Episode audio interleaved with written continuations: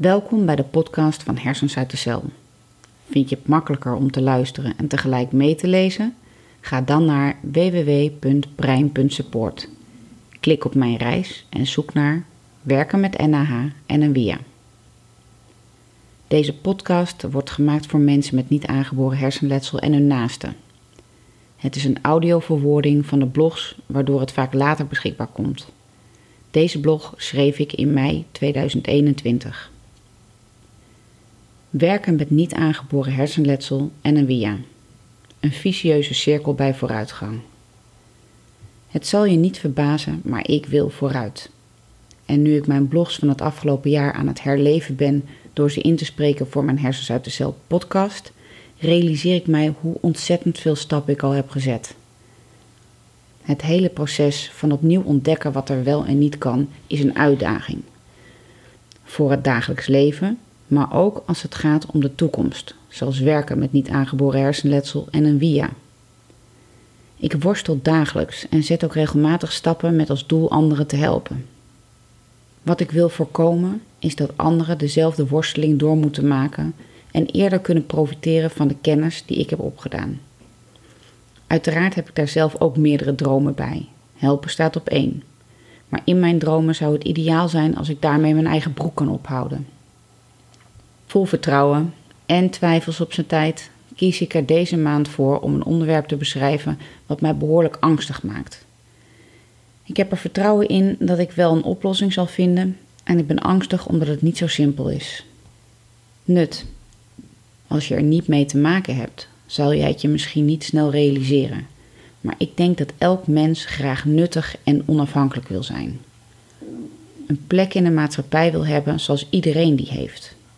Verantwoordelijk willen kunnen zijn voor zijn haar eigen leven. Met hersenletsel is dat alles behalve vanzelfsprekend. Niet alleen ik, maar heel veel mensen met niet aangeboren hersenletsel kunnen niet meer de weg naar werk vinden. Op de speciale website werkenmethersenletsel.nl staat zelfs dat 40% van de mensen die werkten voor ze hersenletsel kregen, na twee jaar nog niet aan het werk is. De prikkels, druk en stress die in bijna alle werksettings een rol spelen, zijn niet meer te verenigen met de stabiele productieve inzet. En dat is een behoorlijk gemis. De consequenties maken het in de meeste gevallen onmogelijk om nog langer nuttig te zijn voor de maatschappij. En dus ook om onafhankelijk te kunnen blijven. Om gelukkig te zijn moet ik nuttig kunnen zijn voor de maatschappij. Neem een vrijwilligersbaan zou je dan misschien denken. Helaas ben ik daar ook te weinig stabiel inzetbaar voor en er speelt nog iets mee. Voor mij is niet alleen nut belangrijk om mij onderdeel te voelen van de maatschappij. Ook inkomen wat in balans is met mijn nut en inzet speelt een rol. Inkomen is namelijk gelijk aan onafhankelijkheid en zelfstandigheid. Toen ik nog werkte en ooit een promotie kreeg van mijn taken zonder bijpassende financiële vergoeding, dacht ik dat ik gelukkig werd van meer verantwoordelijkheid en uitdaging in mijn werk. Al snel kreeg ik een onrustig gevoel, onheimisch. Ik kwam erachter dat het voor mij belangrijk is om naar verantwoordelijkheid en waarde te worden beloond. Dat vind ik redelijk en een teken van respect. Ik haal daar waarde uit, een gevoel van waardering. Iets wat ook nu nog bij mij hoort. Ook nu ik niet meer kan werken. IVA. Gelukkig heeft niet iedereen te maken met termen als WIA, WGA en IVA. Helaas ben ik enkele jaren geleden tot ongewenst ervaringsdeskundige gepromoveerd. En ook al was het een bittere pil om te slikken, ik ben enorm dankbaar dat deze regelingen er zijn. Na vele pogingen om weer aan het werk te komen, moest ik uiteindelijk de conclusie trekken dat ik dat echt niet meer kon. Ik kreeg het thuis met heel veel aanpassingen voor elkaar om mijn master af te maken. Maar op een werkvloer zonder alle flexibiliteit gaat het echt niet meer. Dus raakte ik arbeidsongeschikt. Uiteindelijk met een definitieve afkeuring in mijn zak. Het is een enorme luxe dat wij in Nederland over een dergelijk vangnet beschikken. Maar ook een behoorlijke stap terug, zowel financieel als mentaal. Mentaal in het gevoel dat je nog meedoet in de maatschappij, recht van spreken hebt. Dus hoe dankbaar ik ook ben, het is een vangnet waar ik zo min mogelijk gebruik van zou willen maken. Mede zodat het voor anderen beschikbaar zal blijven. Reïntegreren. omdat ik zo graag vooruit wil, ben ik al ruim anderhalf jaar feitelijk aan het reïntegreren in het leven. Door het uitdokteren van veel routines, reguleren van bijna alles in mijn leven en opnieuw experimenteren en ontdekken waar nu mijn grenzen liggen. Bij dat reïntegreren hoort ook een onderzoek naar werk en weg kunnen uit de via. Helaas is dat voor mij niet mogelijk op een gebruikelijke manier. Ik kan nog steeds niet functioneren onder druk.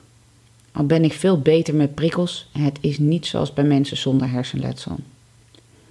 Na Cognitive FX en met het reïntegreren in het leven ben ik vooral meer in staat om het leven te leven. Ik kan douchen zonder bek-af te zijn, weer lezen. Koken lukt weer en zelf beslissingen nemen ook. Alleen zodra er enige stress bij komt kijken, verdriet, een discussie met de puberdochter, te laat zijn voor een afspraak, dan gaat het mis en val ik uit. Maar ik geniet wel zo van werken, van iets bedenken waarmee ik een probleem kan oplossen, om doelmatig iets uit te voeren waar anderen iets aan hebben en waar ik mijn leven ook rechtstreeks mee kan verbeteren. Een hele menselijke behoefte volgens mij. En er zijn gelijkgestemden. Zo bleek afgelopen maand ook toen er spontaan een groep ontstond van vrouwen die ook naar Amerika zijn geweest. Vrouwen die ook niet of bijna niet meer kunnen werken, die ook moeten vertrouwen op de mogelijkheden die de VIA ons biedt. Hoe dankbaar iedereen daar ook voor is, de behoefte aan nuttige invulling van beschikbare tijd en energie is alom aanwezig. Wat hierbij bijzonder opvalt, is dat zij last hebben van precies dezelfde beperkingen als ik. Echt structureel inzetbaar op de werkvloer zijn wij dus niet. En wat dan wel? Hoe geef je invulling aan die menselijke behoeftes? En gaan wij om met het niet kunnen bijdragen in de meest gangbare vorm van zelfstandig volwassen leven, met werk? Een tweede punt wat sommigen van ons delen is de rol die de huidige ondersteuning van een uitkering speelt in de belemmering om de mogelijkheden te onderzoeken en maximaal te benutten. Leefwijze. Ik heb vorig jaar het idee bedacht om alles wat ik heb ontdekt en ontwikkeld om praktisch te kunnen overleven en leven met mijn niet aangeboren hersenletsel te bundelen en hier een leefwijzer van te maken. Inclusief een all-inclusive leefwijzer tool voor alle notities, reminders, lijstjes en informatieverzamelingen. Ik schreef over de geboorte van dit plan in The Time is Now. Het is een tool aan het worden waar nu al behoorlijk wat interesse voor lijkt te zijn. Maar let wel, ik ben hier vorig jaar augustus al mee begonnen en hij is nog lang niet af. Dat toont maar weer aan dat ik echt niet zoals vroeger kan knallen. Het is wel heel fijn om mee bezig te zijn en heeft volgens mij veel potentie. Mijn gedachte hierachter is dat ik op deze manier impact kan maken door veel mensen te helpen door mijn kennis te delen. Tegelijkertijd kan ik dit maken zonder druk. Als werken voor een baas op stabiele basis niet meer mogelijk is, dan moet ik het dus organiseren dat ik zelf de ideale omstandigheden kan creëren en er geen stabiele inzetbaarheid noodzakelijk is. Ik maak het in mijn eigen tempo en als het klaar is, kan ik het verkopen. Hopelijk kan ik dan zo inkomen genereren. Inkomen waarmee ik, als het echt werkt en ik dit ook zo aan kan, meer onafhankelijk kan worden. Meer volwaardig onderdeel van de maatschappij. Beperkte visie, want alleen zo werkt het niet. Ik snap ook wel dat het zo niet werkt, maar ik zie ook dat dit een vicieuze cirkel tot gevolg heeft. De visie van onze vangnetten, zoals de WGA en IVA, is iets aan een verouderde kant. Deze gaat helemaal uit van een uurtje factuurtje gedachte. In loondienst of als zelfstandig ondernemer. Dus niet in een schaalbaar product of dienst. Als ik dus in één maand voldoende zou kunnen verkopen om die maand geen uitkering nodig te hebben, dan zou mijn uitkering op korte termijn automatisch maandelijks vooraf worden gekort op basis van een schatting. Dat geeft zoveel meer druk dan verrekening achteraf. En hier ontstaat voor mij de cirkel. Consequenties. Als ik zou proberen om de leefwijzer een bron van inkomsten te maken, dan raak ik terecht mijn aanspraak op de uitkering kwijt. Je kunt je waarschijnlijk voorstellen dat de consequenties daarvan de noodzaak tot stabiele inzet zijn om voldoende inkomen te genereren nu precies een vorm van druk die ik niet meer aan kan. Zeker aangezien er geen alternatieven zijn. Als gezonde ZZP'er heb je altijd nog de mogelijkheid om een baan te zoeken als het echt niet anders kan. Dat is voor mij niet haalbaar. En omdat ik er vooraf op basis van een schatting word gekort, is er geen ruimte om zonder druk een poging te wagen. maar met druk gaat niet. Zoals ik het begrijp is het nu een veel te hoog risico om te proberen mijn uitkering zelf te verdienen. En dat is zonde, niet in de laatste plaats voor de maatschappij. Het zou toch mogelijk moeten zijn om mijn steentje bij te dragen op elke manier dat ik daar mogelijkheden toe zie. Ik weet ook niet hoe, maar ik zie hier wel ruimte voor verbetering. Groei naar de mogelijkheden van deze tijd. Niet vooraf korten, maar achteraf rekenen zou al zoveel helpen. Niet alleen ik sta te springen, maar velen met mij. We zijn niet stabiel inzetbaar, maar wel van waarde. Niet gewonnen. De situaties waar mensen met niet aangeboren hersenletsel mee hebben te dealen gaan veel verder dan iemand zo zou kunnen inschatten. Het heeft invloed op je fysieke gestel, je energie, je geheugen, je vermogen om te werken en geld te verdienen. Op je sociale omgeving, het naar een verjaardag kunnen die je spannend vindt of stress geeft.